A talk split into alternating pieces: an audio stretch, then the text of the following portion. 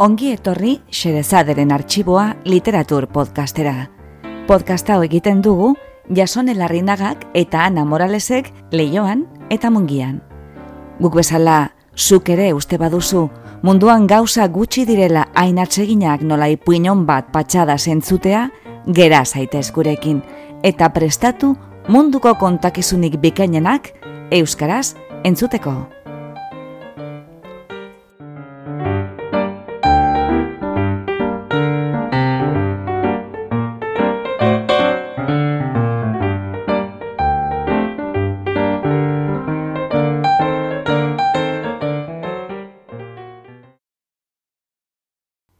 Gaur, Xerezaderen arxiboan, dastaketa.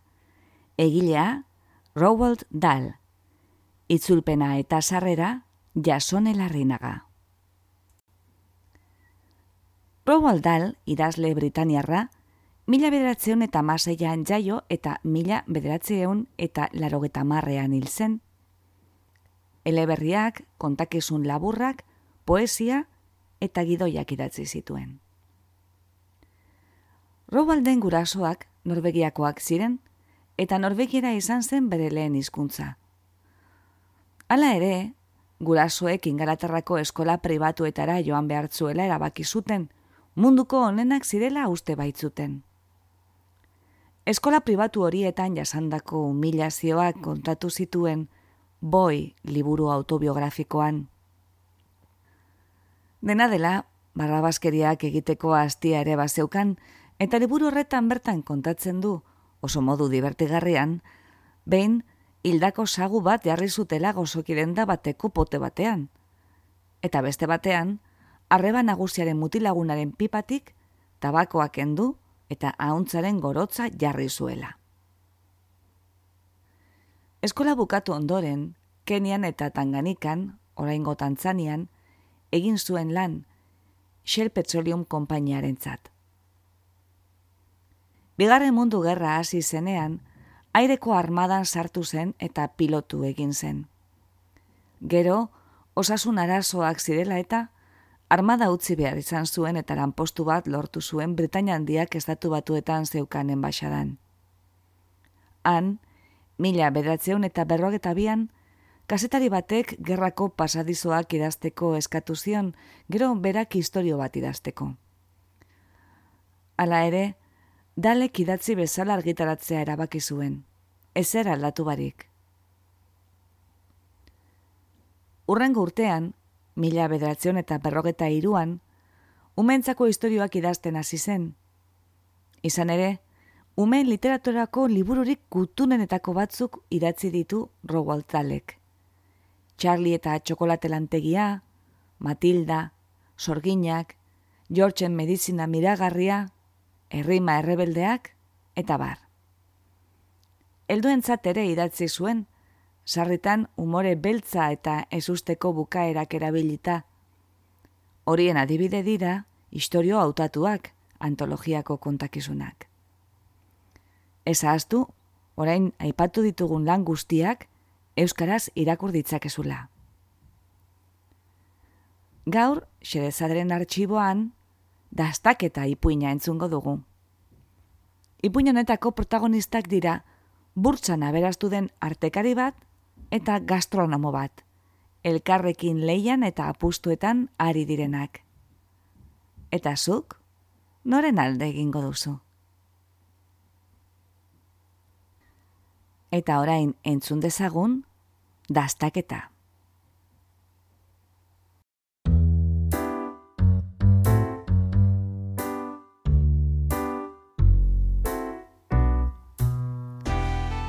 Gau hartan, sei pertsona bildu ginen afaltzera Mike Schofielden etxean, Londresen.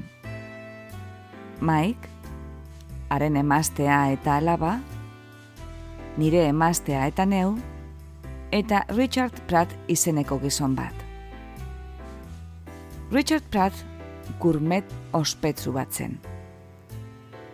Epikuro tarrak izenarekin ezagutzen zen elkarte txiki bateko presidentea zen, eta hilero, janariei eta ardoei buruzko horreizka bat banatzen zien bazkidei. afariak antolatzen zituen, eta egundoko platerrak eta ardo bakanak zerbitzatzen zituen. Ez zuen erretzen, ahosa baiak altetzeko beldurrez, eta ardo baten inguruko eztabaidetan, ari buruz, izaki bizia balitz bezala hitz egiteko ohitura bitxia eta xelebrea zeukan. Ardo zurra, esaten zuen, apur bat zalantzatia eta ieskorra, baina nahiko zurra. Edo, humore honeko ardoa, onbera eta alaia, zertxo bait lezuna agian, baina ala ere, humore honekoa. Gaura baino lehen, birritan afaldu nuen Maiken etxean, Richard Pratt bertan zela, eta maikek eta emazteak beti egiten zuten alegin guztia gurmet ospetsuaren zat jatordu berezia prestatzeko. Eta gau ura ere, argi zegoen, etzen salbuespena izango. Jangelan sartu bezain laster konturatu nintzen maia festa baterako zegoela jarrita. Kandela luzeek, arrosa horiek, zilarrezko basera distiratzu ugariak, pertsona bakoitzeko hiru edalontziek, eta batez ere, sukaldetik zetorren aragi herriaren usain finak, listu epela eragin zidaten ahoan.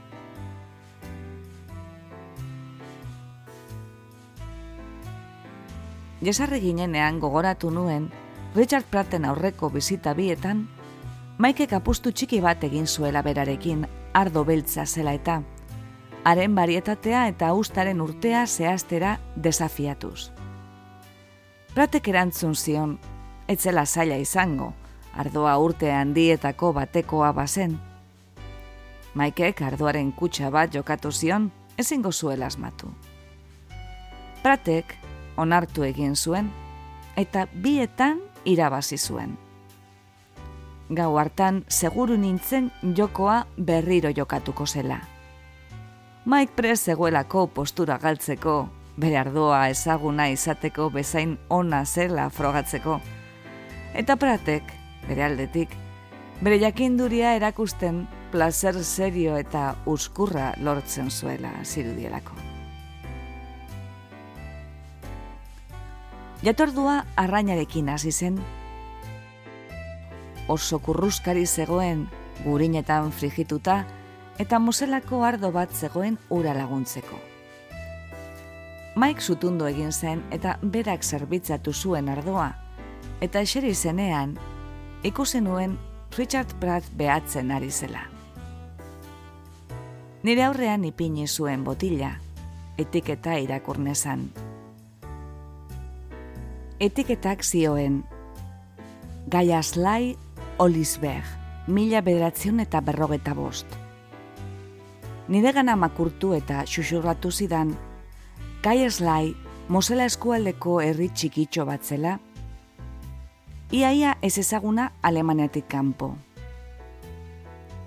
Esan zuen, edaten ari ginen ardo ura, oiz kanpokoa zela, maaztia hain zela txikia, ezen ia ezin eskoa baitzen arrotz batentzat botilarik lortzerik aurreko udan bera egon zen gaiaz lain eta azkenean botila apur batzuk erosten utzi zioten. Ez dut uste herrialdean beste inok ardo hau daukanik oraintxe bertan. Esan zuen. Richard Prati berriro begiratzen ikusi nuen. Moselako ardoa gauza handia da, jarraitu zuen, ahotsa altxatuz bordeleko ardoaren aurretik ateratzeko. Jende askok rineko ardoa ateratzen du, baina ez ez dakitelako da hori. Rineko ardo batek, bordeleko ardo delikatu bat iko du, bakizue, onarte zina da. Onarte zina da rineko ardoa bordeleko baten aurretik ateratzea. Baina, moselako bat, mm, moselako bat, perfektua da. Mike Schofield, gizon jatorra zen, ez gazte ez zahar. Baina, burtsako artekaria zen. Zehatza izateko, burtsako espekulatzailea zen. Eta bera bezalako askoren moduan, bazirudien apur bat deseroso zegoela, ia lotxatuta hainbeste diru egin zuelako, hain talentu txikiarekin. Barru-barruan bazekien, etzela apustuetako artekaria baino askoz gehiago, artekarien plastua, ezin errespetagarriagoa, funtzean eskrupulorik gabekoa, eta bazekien bere lagunek ere bazekitela. Alandase, kulturako gizona izan nahi zuen. Gustu literarioa eta estetikoa landu, kuadroen, musikaren, liburuen eta gainerakoen bildumak egin. Rin eta Moselako ardoei buruzko zermoi txikia horren parte zen, bilatzen ari zen kultura horren parte. Ardotxo xarmanta, ez dozuzte? Esan zuen. Richard Prati begira zegoen oraindik. Maira askar eta eskutuan begiratzen ikusi nuen, Pratek arrainaren ahokada bat hartzeko burua makurtzen zuen bakoitzean. Ia ia sentinezaken, pratek lehen zurruta da hartuko zuen unearen zain zegoela. Eta begira da, edalontzitik altzatuko zuen plazerrezko herribarre batekin, arridurazko herribarrea, agian hilurazkoa, eta gero eztabaida bat egongo zen, eta maikek gai eslai erriskari buruz egin gozion berba. Baina Richard Pratek ez zuen ardoa probatu. Maiken amazortzi urteko alaba Luisekin zegoen hitz egiten, guztiz murgilduta.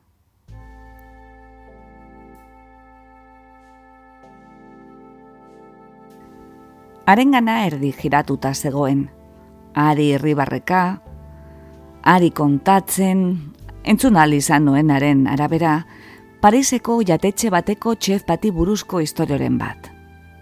Hitz egiten ari zelarik, gero eta gehiago hurbiltzen zitzaion neskari, eta bere grinan ia haren gainera eroriko zela zirudien, eta neska gaixoa alik eta urrunen aldentzen zen, buruarekin baietze zanez, gizalegez baina nahiko etxita, gizonaren arpegira baino, esmokinaren goiko botoira begiratuz.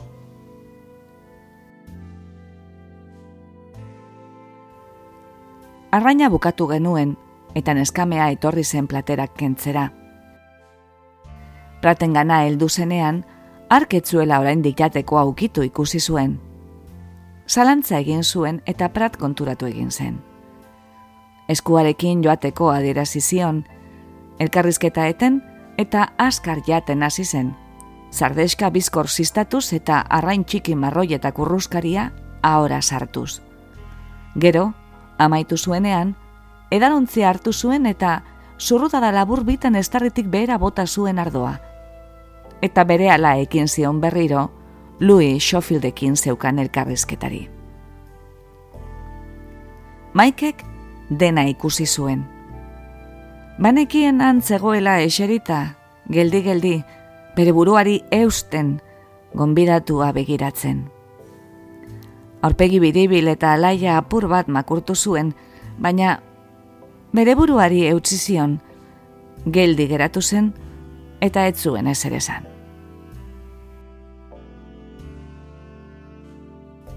Neskamea laster etorri zen bigarren platerarekin. Behi aragi errea zen, maaian jarri zuen, maiken aurrean. Maik zutundu eta zatitu egin zuen, oso xerra finak eginez, eta plateretan jarri zituen kontu handiarekin neskameak bana zitzen. Guztiak zerbitzatu zituenean, bere burua barne, aiztoa utzi eta aurrerantz makurtu zen, eskubiak mailaren ertzean zeuskala. Orain, esan zuen, denoi berba eginez baina Richard Prati begiratuz. Orain, bordeleko ardoa. Bordeleko ardoaren bila joan behar dut, barkatuko dira zue. Zeu joan gozara bila, Mike? Esan nuen. Non dago? Estudioan, kortsoak enduta, arna sartzen. Zergati dago estudioan? Gelako temperatura hartzen noski. Han egon da hogeita lau ordutan.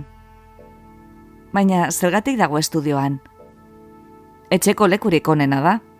Richardek lagundu zidan aukeratzen. Hemen egon zen azken aldian. Bere izena entzun zuenean, pratek ingurura begiratu zuen. Horrela da, ezta? Esan zuen maikek. Bai. Erantzun zuen pratek zerio, buruarekin baietze ginez. Horrela da. Artxibategi berdearen gainean, nire estudioan. Esan zuen maikek. Leku hori aukeratu genuen. Aize korronterik gabeko lekutxo bat, temperatura konstantea daukan gela batean.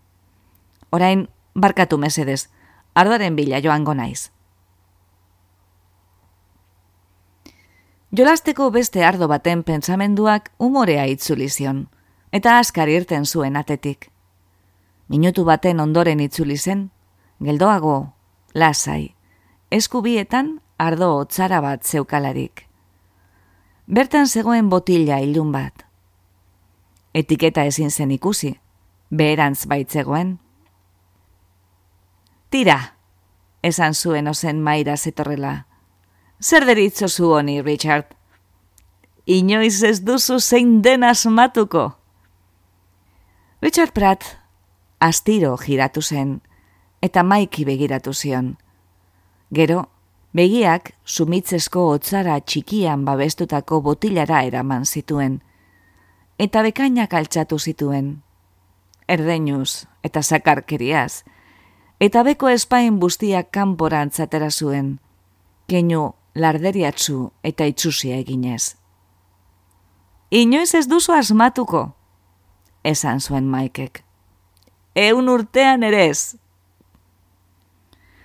Bordeleko ardo bat? Galdetu zuen Richard Pratek, komplimenduz. Jakina? Orduan, mazti txiki batekoa dela suposatzen dut. Ez da? Agian bai, Richard. Eta, ala ere, agian ez?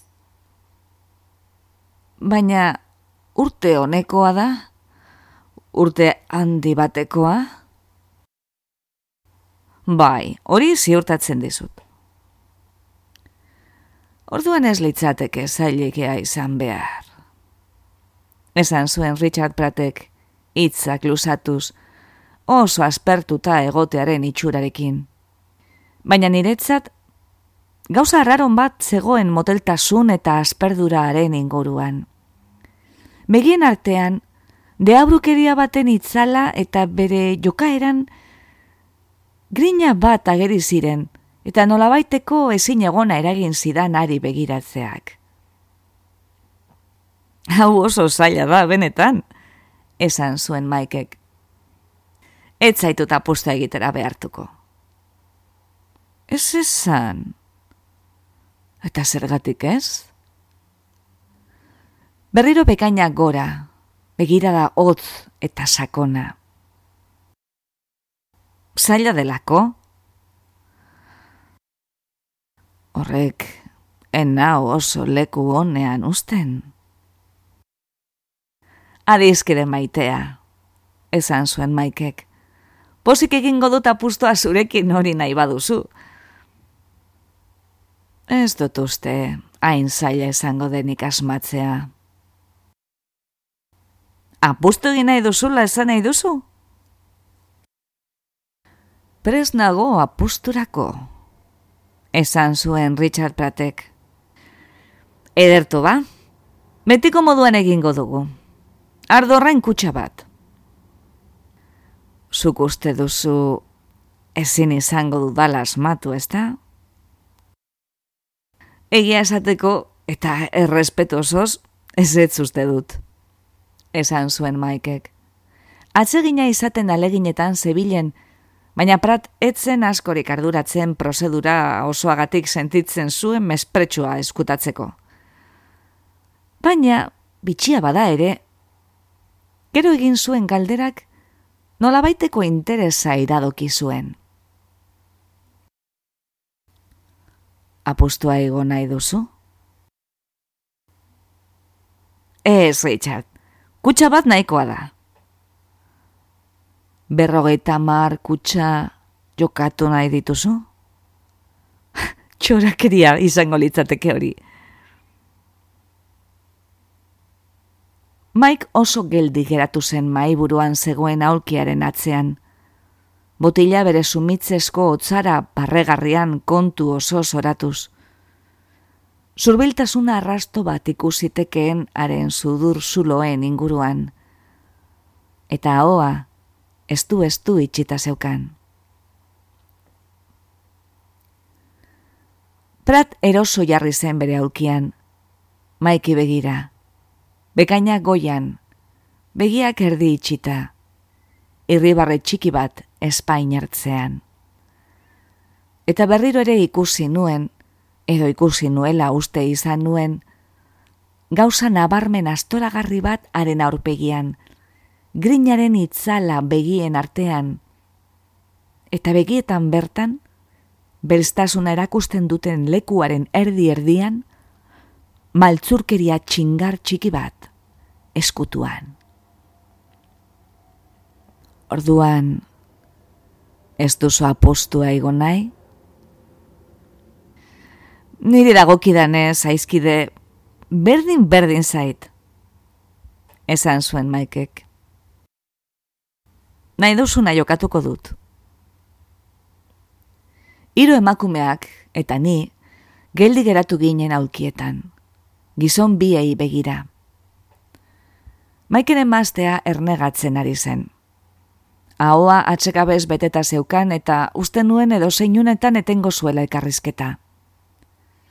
Aragia plateretan zegoen gure aurrean, kea seriola. nahi dudan edo zer jokatuko duzu nirekin. Horixe esan dizut, sudur puntan jartzen zaizun edo zer gauza jokatuko dut zurekin, hain garrantzitsua bada.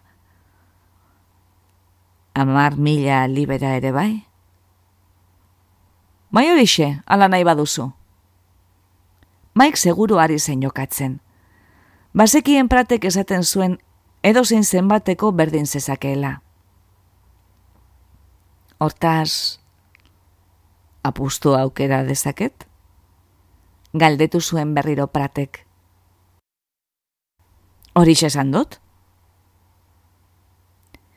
Isiltasuna egin zen pratek maiaren inguruan begiratzen zuen bitartean, lehenik niri, gero hiru emakumei, banan-banan bazirudien eskaintzaren lekuko ginela gogorarazi nahi zigula. Mike, esan zuen Schofield Andreak. Mike, zergatik ez dugu tontakeria usten eta faria bukatu. Osten ari da? Baina ez da tontakeria? Esan zion pratek patxadaz. Postura txiki bat egiten ari gara. Neskamea atzean zegoela konturatu nintzen, barazkien erretilu bat eskuan, bere buruari ura zerbitzatu ala ez galdetzen. Ondo da, esan zuen pratek, zer jokatu nahi dudan esango dizut. Tira ba, esan zuen maike kausart, Pusta xola zait zer den, zure txanda da. Pratek baietz esan zuen buruaz, eta herribarre txikiak berriro mugitu zizkion espainertzak, eta orduan, oso astiro, une oro maiki begira, esan zuen. Zure alabarekin eskontzeko promesa jokatzea nahi dut. Louis Schofieldek salto bat eman zuen. E! Egin zuen oiu. Ez! Horrek ez dauka graziarik. Ara, eta ez dauka bat ere graziarik. Ez lastana, esan zuen amak. Txantxetan ari dira. Nien nabil txantxetan. Esan zuen Richard Pratek. ez dauka zentzurik, esan zuen Maikek. Berriro zegoen turdituta. Nik nahi nuena jokatuko duzula esan duzu. Dirua esan nahi esan dut. Ez duzu bat dirurik aipatu. Ba hori esan nahi izan dut. Ba, lastima da ez esan izana. Baina hala ere, eskaintzan atzera egin nahi baduzu, ondo da niretzat. Kontua ez da nire eskaintzan atzera egitea gizona. Edo zen kasutan, ez da baliozko postura ezin duzu eta berdin du. Ez daukazu alabarik nirearen aurka jartzeko zugaltzen baduzu. Eta bazeneuka ere, enuke berarekin eskondu nahi izango. Posten naiz maitia, esan zion emazteak. Nahi duzu nahi jarriko dut, esan zuen pratek nire etxea, esaterako. Zer deritzozu nire etxeari? Ze etxe? Galdetu zuen maikek, orain bai, txantxetan. Landetxea? Eta zergatik ez bestea ere? Ondo da, nahi baduzu, etxe biak. Une horretan maik zalantzan ikusi nuen. Urratz bat aurrera eman eta botila bere otzararekin jarri zuen mailaren gainean, astiro. Gatzontzia alde batera eraman zuen, gero piperrontzia, eta gero aiztoa hartu zuen. Ahoa aztertu zion instant batez, pentsakor, eta berriro utzi zuen. Alabak ere ikusi zuen zalantzaura tiraita. Egin zuen oiu. Ez izan leloa. Honek ez dauka izenik. Enau zue postura batean jokatuko, ez horixe. Arrazoi duzu lastana. Esan zuen amak. Noikoa da maik. Jesarri eta bukatu afaria. Maikek etzion kasurik egin. Alabari begiratu eta irribarre egin zion. Irribarrek geldo, aitatear eta babeslea. Baina bere begietan, bapatean, garaipenaren distira txiki bat agertu zen. Badakizu, esan zuen, irribarre gine hitz egiten zuen bitartean. Badakizu, Luis, apur bat pentsatu beharko genuke. Bukatu da, aita, Ez dizut entzun ere egingo. Hene, nire bizitza osoan ez dut entzunain gauza gainora bakorik. Ez, benetan, lastana, egon zaitez eta entzun esan behar dudana. Baina ez dut entzun nahi. Luis, mesedes, azalduko dizut. Richardek postura serioa eskaini digu. Berak egin nahi du, ez nik. Eta berak galtzen badu, jabetz handiak eman beharko dizkigu. Baina, egun, ba, egon apur batean, lastana, ez moztu. Kontua da, berak ezin duela inola ere irabazi. ba, berak irabaz dezakela uste du. Entzun niri, badakit eta zertasari nahi zen. Adituak, bordeleko ardo bat dastatzen duenean, espada ardo ospetsuenetako bat, lafit edo latuk bezalakoak, maaztiaren gutxi gora berako izen bat baino zindu eman. Noski, ardoaren jatorrizko bordeleko barrutia esan diezazuke. Sonte milion, pomegol, faf edo medokten. Baina barruti bakoitzak zenbait eskualde dauzka, udalerri txikiak, eta udalerri bakoitzak maazti txiki asko asko dauzka. Ezin da gizon batek, zaporeagatek eta usainagatik soilik denak desberdintzea. Ez da eta xola esatea, hemen daukadan ardo hau, maazti txiki batekoa dela, eta maazti txiki ugari dauzkala inguruan. Eta inoiz ez du asmatuko? Ezin da. Ezin zara horreta ziur egon. Esan zion alabak. Baiet ziotzut. Txartu egon arren nik esatea, badakil zeo zer arduaren inguruan. Eta edo zelan ere, jainko arren eskato zure aita naiz eta ez duzuzte izango nahi ez duzun gauza bat egitera derrigortuko zaitu danik, ezta? Zuretzako dirapur bat irabazten alegintzen nabil. Mike! Esan zion emazteak sakar. Naikoa da, Mike, mesedez. Oraingoan ere, ez zion kasurik egin. Postura hau hartzen badozu, esan zion alabari. Amar minutu barru, etxe handi biren jabea izango zara. Baina nik ez ditut etxan dibin nahi, aita. Basaldu, saldu atzera berari berehala. Neo konponduko dutena. Eta orduan pentsatu, aberatza izango zara. Independentea izango zara bizitza osoan. Ai, aita, etze gustatzen. Txorakeria dela uste dut. Nik ere bai, esan zuen amak. Burua gora eta bera astindu zuen berba egitean, olo batek bezala. Lotxatuta konberko zenuke, Michael, olakorik iradokitze ere. Zeure alabari. Maikek etzion begiratu ere egin. Onartza zu! Esan zuen, egon ezinik, neskari adi adizo. Onartza zu, harin! Ez duzula galduko bermatzen dizut. Baina, ez gustatzen aita. Tira neskato, onartu! Maike gogor egin zion.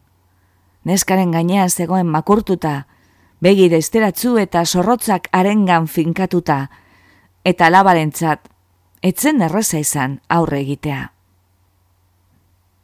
Eta galtzen badut? Berriro diotsut, ezin duzu galdu, neuk bermatzen dizut.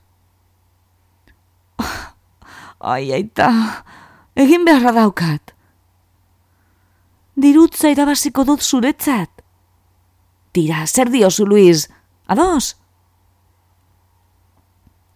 Neskak azken aldiz egin zuen zalantza.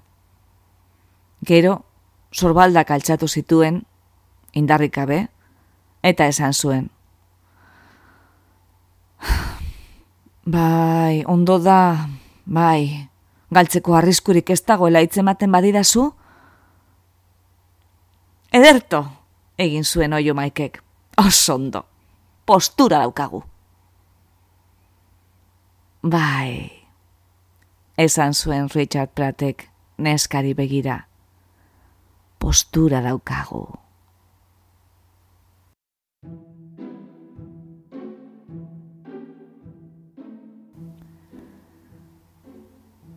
Maike kardo hartu zuen berehala. Lehen tantak bere dalontzian atera zituen, eta maiaren ingurua korritu zuen gainerakoenak betetzen. Orain, Denek begiratu zioten Richard Prati. Haren aurpegia behatuz, edalontzia eskuineko eskuarekin astiro hartu, eta sudurrera altxatzen zuela. Berrogeita mar urte inguruko gizona zen, eta ez zeukan aurpegi atsegina. Neurri batean, dena zen ahoa. Ahoa eta Espainiak gourmet profesionalaren espain lodi eta eseak, beko Espainia dingilizka erdialdean, dastatzaile baten espain eseki eta beti irekia, edalontzi baten ertza edo janari mokadu bat hartzeko prest. Sarraila baten moduan, pentsatu nuen, ura ikusita. Haren ahoa, sarraila handi eta S bat da.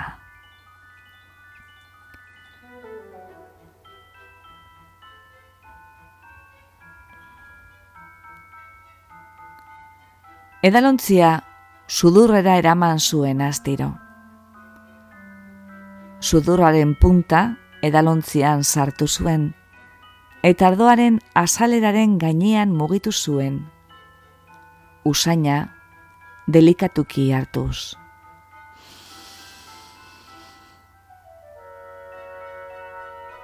Ardoari birak eman zizkion edalontzian buketa jasotzeko. Gizona, erabat kontzentratuta zegoen. Begiak itxi zituen, eta bere gorputzaren goiko erdi osoa, burua eta sama eta bularra, usaina jasotzeko makina handi eta sentikorra bihurtu zela zirudien, sudur usantzailaren mesua jasotzen, irazten eta aztertzen.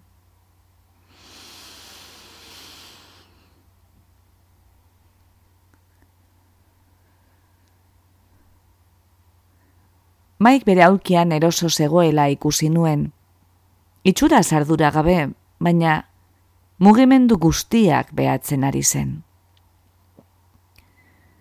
Schofield Andrea, emaztea, tente zegoen jesarrita maiaren beste muturrean, aurrerantz begira, aurpegia gaitzespenez estututa. Luis Alabak apur bat mugitu zuen aulkia, albo baterantz, gurmetaz zegoen alderantz, eta aita bezala, gertutik ari zen begiratzen. Minutu batez, usaina hartzeko prozesuak aurrera egin zuen.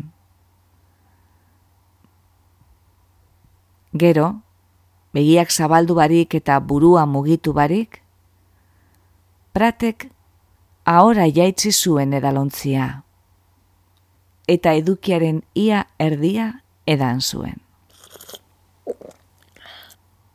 Gelditu egin zen, ahoa ardoz beterik, lehen zapore hartzeko. Gero, kantitate apur bati samatik bera joaten utzi zion, eta zintzur zagarra mugitzen ikusi nuen handik igaro zenean. Baina ahoan gorde zuen gehiena. Eta orduan, berriro irentzi barik, aire ahokadarin bat hartu zuen Espainen artean. Ardoaren lurrunekin nahaztu zuen ahoan, eta birikietara igaro zuen. Arnazari eutzi zion. Sudorretik atera zuen. Eta azkenean, ardoa miaren azpian pasatzen hasi zen, eta mastekatu egin zuen, ogia balitz bezala mastekatu zuen aginekin.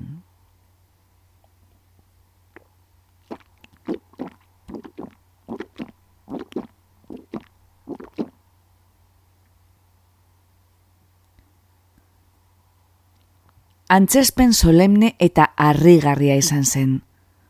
Eta ondo egin zuela itortu behar dut.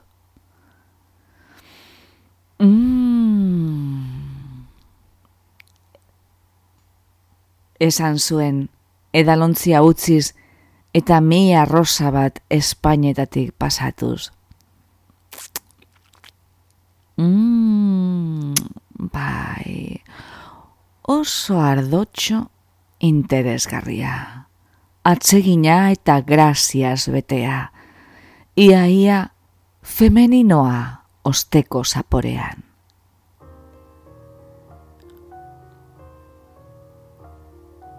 Txistu gehiegi zeukan ahoan eta berba egina ala tanta distiratzuren bat edo beste bota zuen maira. Orain, bastertzen az gaitezke, esan zuen. Barkatuko didazue kontu handiz egiten badut, baina asko dago jokoan. Normalean, arrisku txiki bat hartuko nuke agian, aurrerantz saltu egin eta aukeratutako maastearen erdi erdian lurreratuz.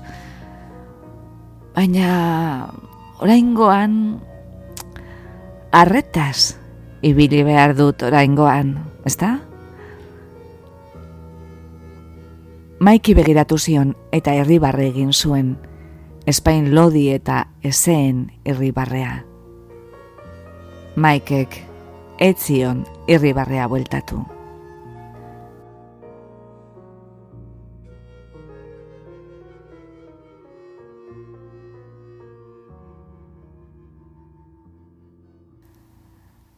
Lehenengo ba, mm, bordeleko zein barrutik dator ardo hau.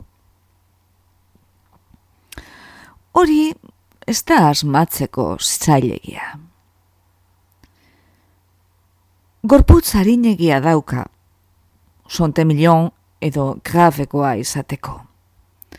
Espairik gabe, medok bat da, ez dago zalantzarek.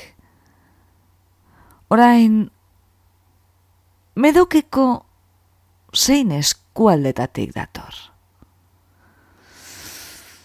Mm, hori ere, eliminazioz, ezin litzateke zailegi esan behar erabakitzeko. Margo? Ez, ezin da margo esan. Ez dauka margo baten buketzarra. Poilak? Poilak ere ezin da izan. Samurregia da. Atseginegia eta goibelegia. Poilakeko ardoak izaera ia ia larderiatzua dauka zaporean. Eta niretzat, poilak batek muin bat dauka. Hautzez betetako zapore bat dauka, matzak barrutiko lurretik hartzen duena. Ez, ez, ez, ez. Hau, hau oso ardo atsegina da. Neurritzua eta lotzatia lehen kontaktuan. Eta erabe baina nahiko dotorea saleratzen da bigarrenean. Apur bat maltzurra agian bigarren kontaktuan, eta zertxo bait biurria. Mia taninoaren astarna, astarna batekin baino ez, limurtuz. Gero, osteko zaporean, xarmagarria, kontsolagarria eta femeninoa. Son Julian eskualdeko ardoekin soilik lotzen den eskuzabaltasun posgarri batekin. Zalantzarik abe, Son Julian bata aulkiaren bizkarrean ezarri zen. Eskuak bular aldean goratu, eta atz mamiak elkarrekin jarri zituen, kontu handiz. Modu barregarrian eta handi ustean ari zen, baina sati batean apropos egiten zuela pentsatu nuen. Anfitrioiari barre egiteko. aurrera egin zezan larri eta zain nengoela ikusi nuen harriduraz. Luis gaztea zigarreta pistera zijoan. Pratek mistoaren kraskada entzun, eta arengana giratu zen, bapatean, benetako azarreaz lertuz. Mesedes, esan zuen. Mesedes ez egin hori. Oituran askagarria da maian erretzea. Neskak begiratu egin zion. Piztutako mistoa oraindik eskuan. Begi handiak gizonaren aurpegian pausatu ziren. Han gelditu ziren une batez eta kendu egin zituen. Astiro eta destainari. Burua makurtu eta mistoa itzali zuen. Baina piztu gabeko zigarreta atzamarrekin oratzen jarraitu zuen. sentitzen dut maitea, esan zuen pratek, baina ezin dut jasan inok maian erretzea.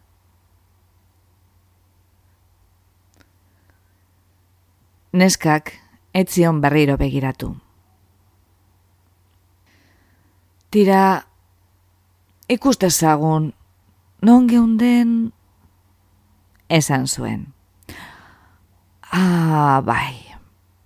Ardo hau, bordelekoa da, Son Julian eskualdekoa, medok barrutian. Horraino, dena ondo. Baina, orain dator satirik zailena. Maaztiaren izena. Ze, Son Julianen maazti asko dago. Eta gure anfitrioiak lehen ederto esan duen moduan, sarritan ez dago aldan dirik bateko ardoaren eta besteko ardoaren artean. Baina ikusiko dugu. Berriro gelditu zen, begiak itxita. Kategoria esartzen alegintzen nabil. Esan zuen. Hori egin badezaket, bidearen erdia eginda izango dut. Dira, ikuste zadan. Ardu hau, ez da inola ere lehen mailako maazti batekoa, ez eta bigarren mailako batekoa ere. Ez da ardo bikaina. Kalitatea, zera, zera zelan esaten zaio, mm, distira, boterea, ez dira nahikoa. Baina, irugarren mailako bat, hori izan daiteke. Hala ere, ez dut uste. Badakigu urte honekoa dela, anfitroiak esan du, eta baliteke lausen gatzen aritu izana zur jokatu behar dut. Oso zur jokatu behar dut, une honetan. Edalontzia hartu zuen, eta zurrupada txiki bat hartu zuen.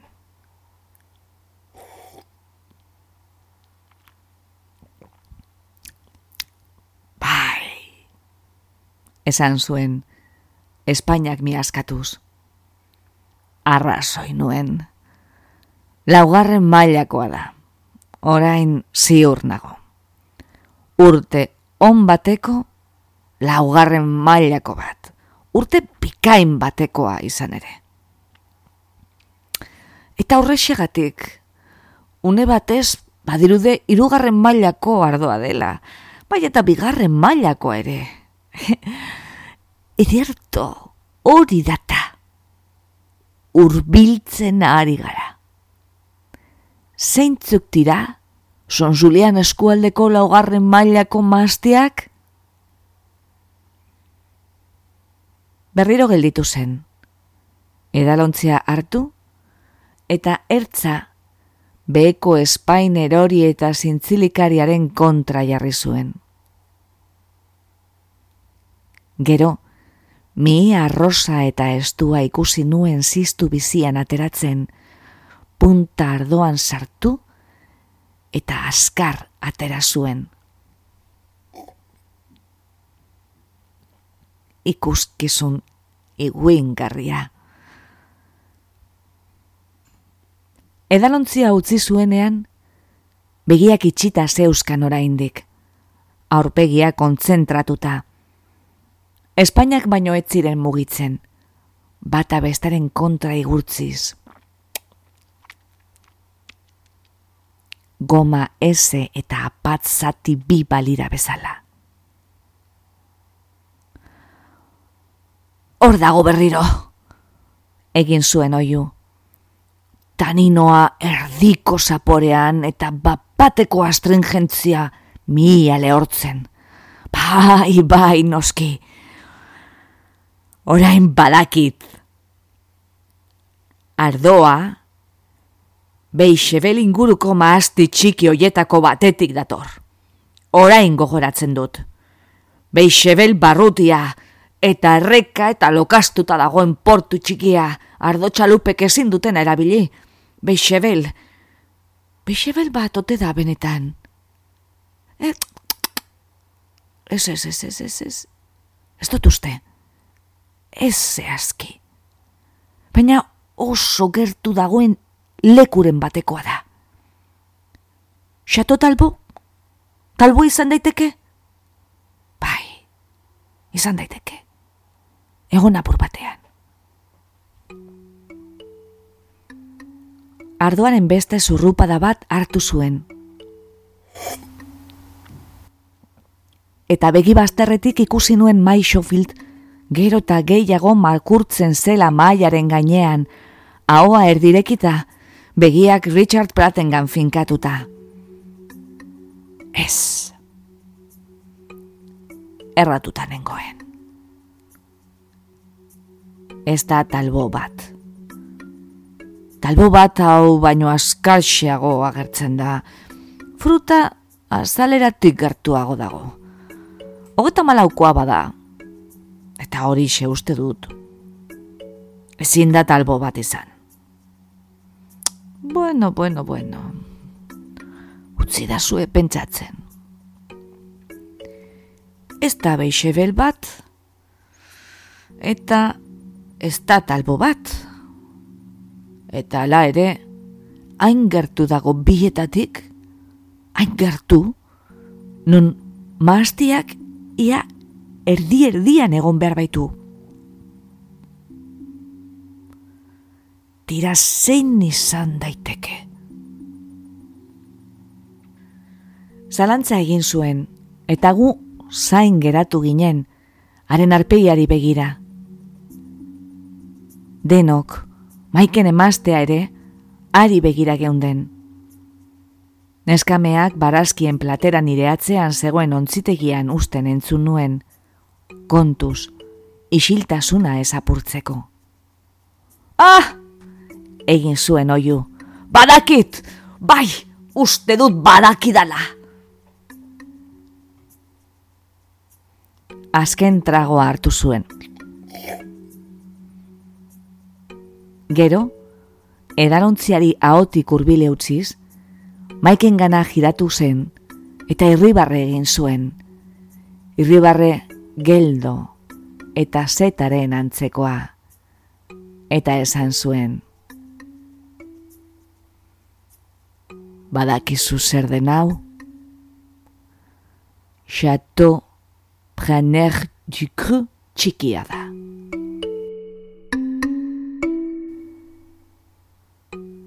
Mike, tenta zegoen aulkian, geldirik. Eta urtea, mila, bederatzieun, eta hogeta malau. Deno begiratu genio, Maiki, Otzaran zegoen botilari jira eman eta etiketa erakutze zan itxaroten.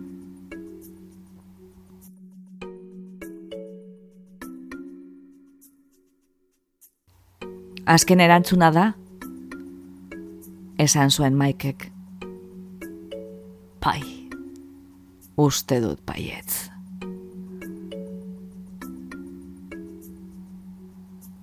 Tira, bada ala ez da? Bai, bada. Esango duzu izena berriro? Chateau Janer du Cru. Basti txiki eta polita. Jauregi zare ederra dauka. Naiko ondo ezagutzen dut. Ez dakiz zergatik ez dudan bere ezagutu. Tiraita, esan zuen eskak. Eman buelta eta ikuste zagun. Nire bi etxeak nahi ditut. Minutu bat, esan zuen maikek. Itxaron minutu bat. Oso geldi zegoen aulkian, surtz eginda, eta urpegia pustu eta zurbildu egin zitzaion, indar guztiek astiro-astiro, ies egingo baliote bezala. Michael, esan zion emazteak gogor mailaren beste muturretik. Zer gertatzen da? Ez hartu honetan Margaret mesedez. Richard Pratt maiki begira zegoen.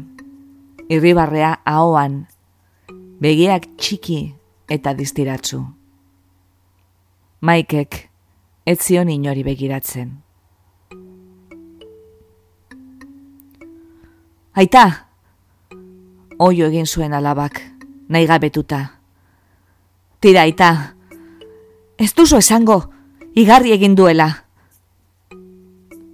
Ez kezkatu lastana, esan zion maikek. Ez duzu kezkatu beharrik.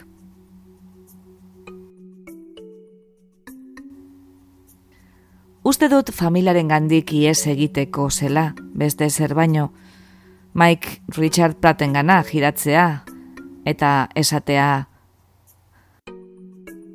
Badakizu zer, Richard, uste dut guk biok ondoko gelara joan beharko genukela berba egitera.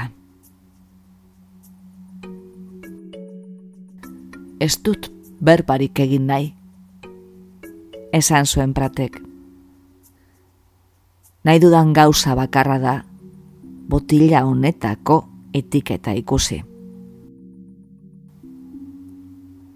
Bazekien, irabazi egin zuela irabazlearen jarrera eta oilarkeria lasaia zeukan, eta arazorik egon eskero, desatzegin jokatzeko prez zegoela ikus nezakeen. Seren zain zaude. Esan zion maiki. Soaz, emaio zu buelta. Orduan, hau gertatu zen. Neskamea, neskamearen figura nimino eta tentea, uniforme zuri beltzean, Richard Pratten ondoan zegoen, eskuan zeo zer zera mala. Uste dut zureak direla jauna, esan zuen.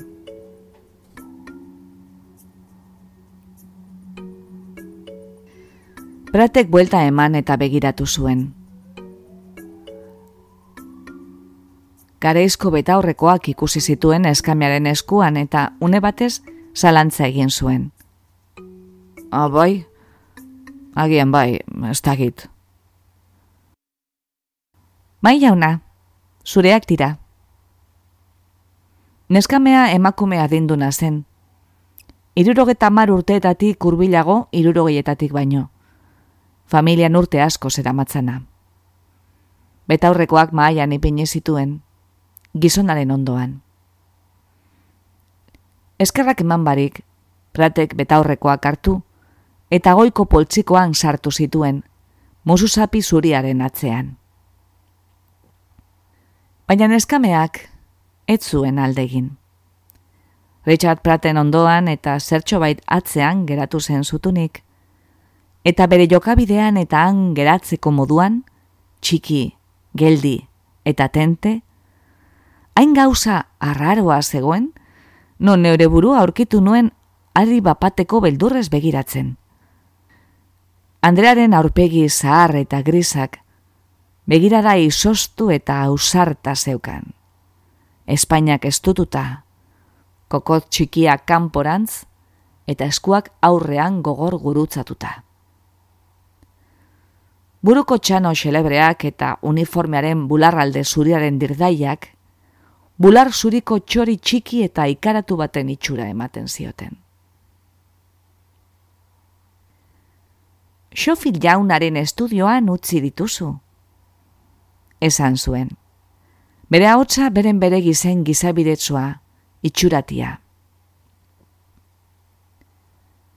Estudioko artxipategi berdearen gainean jauna.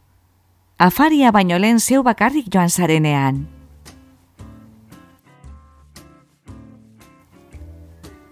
Segundu batzu behar izan genituen, neskamearen berben esanai osoa barneratu genuen arte, eta ondorengo isiltasunean, maiken gain jarri nuen arreta, eta ulkian astiro artesten ari zela ikusi nuen, eta kolorea bere aurpegira itzuli zela, eta begiak zabal-zabalik zituela, eta ahoak izkurtu zuela, eta sudurtzuluen inguruan zabaltzen hasita zegoen, zuritasun orban arriskutzua ikusi nuen.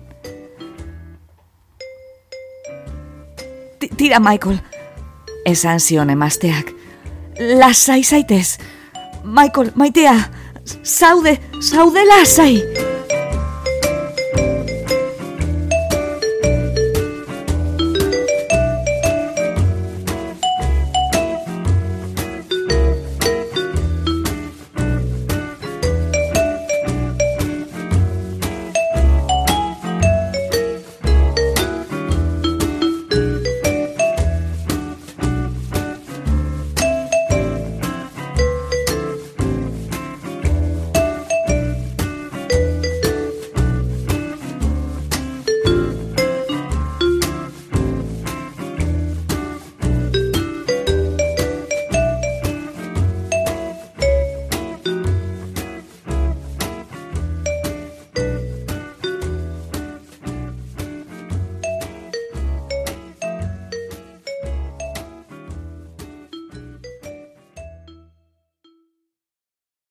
Entzun dozu?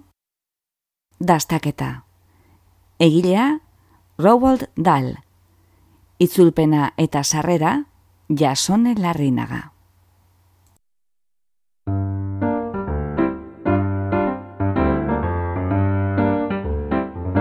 Xerezaderen artxiboko atal bat entzun duzu. Gure doinua da, Charleston Behind the Attic Door, Dance of the Wind taldearena. Bizitatu gure bloga, gure audioak deskargatzeko edo online entzuteko. Iru xerezade.org Xerezade, isaz idazten da gogoratu. Eta ezaztu iruzkinak ustea. Podcast hau egiten dugu jasone larrinagak eta ana moralesek leioan eta mungian. Xerezaderen artxiboko atal guztiak emititzen dira bilboiria irratian, eta arrosa zarean. Mila esker gurera hurbiltzeagatik, gustora egon bazara, erdu urrengo batean ostera ere, xerezaderen artxibora. Laster arte!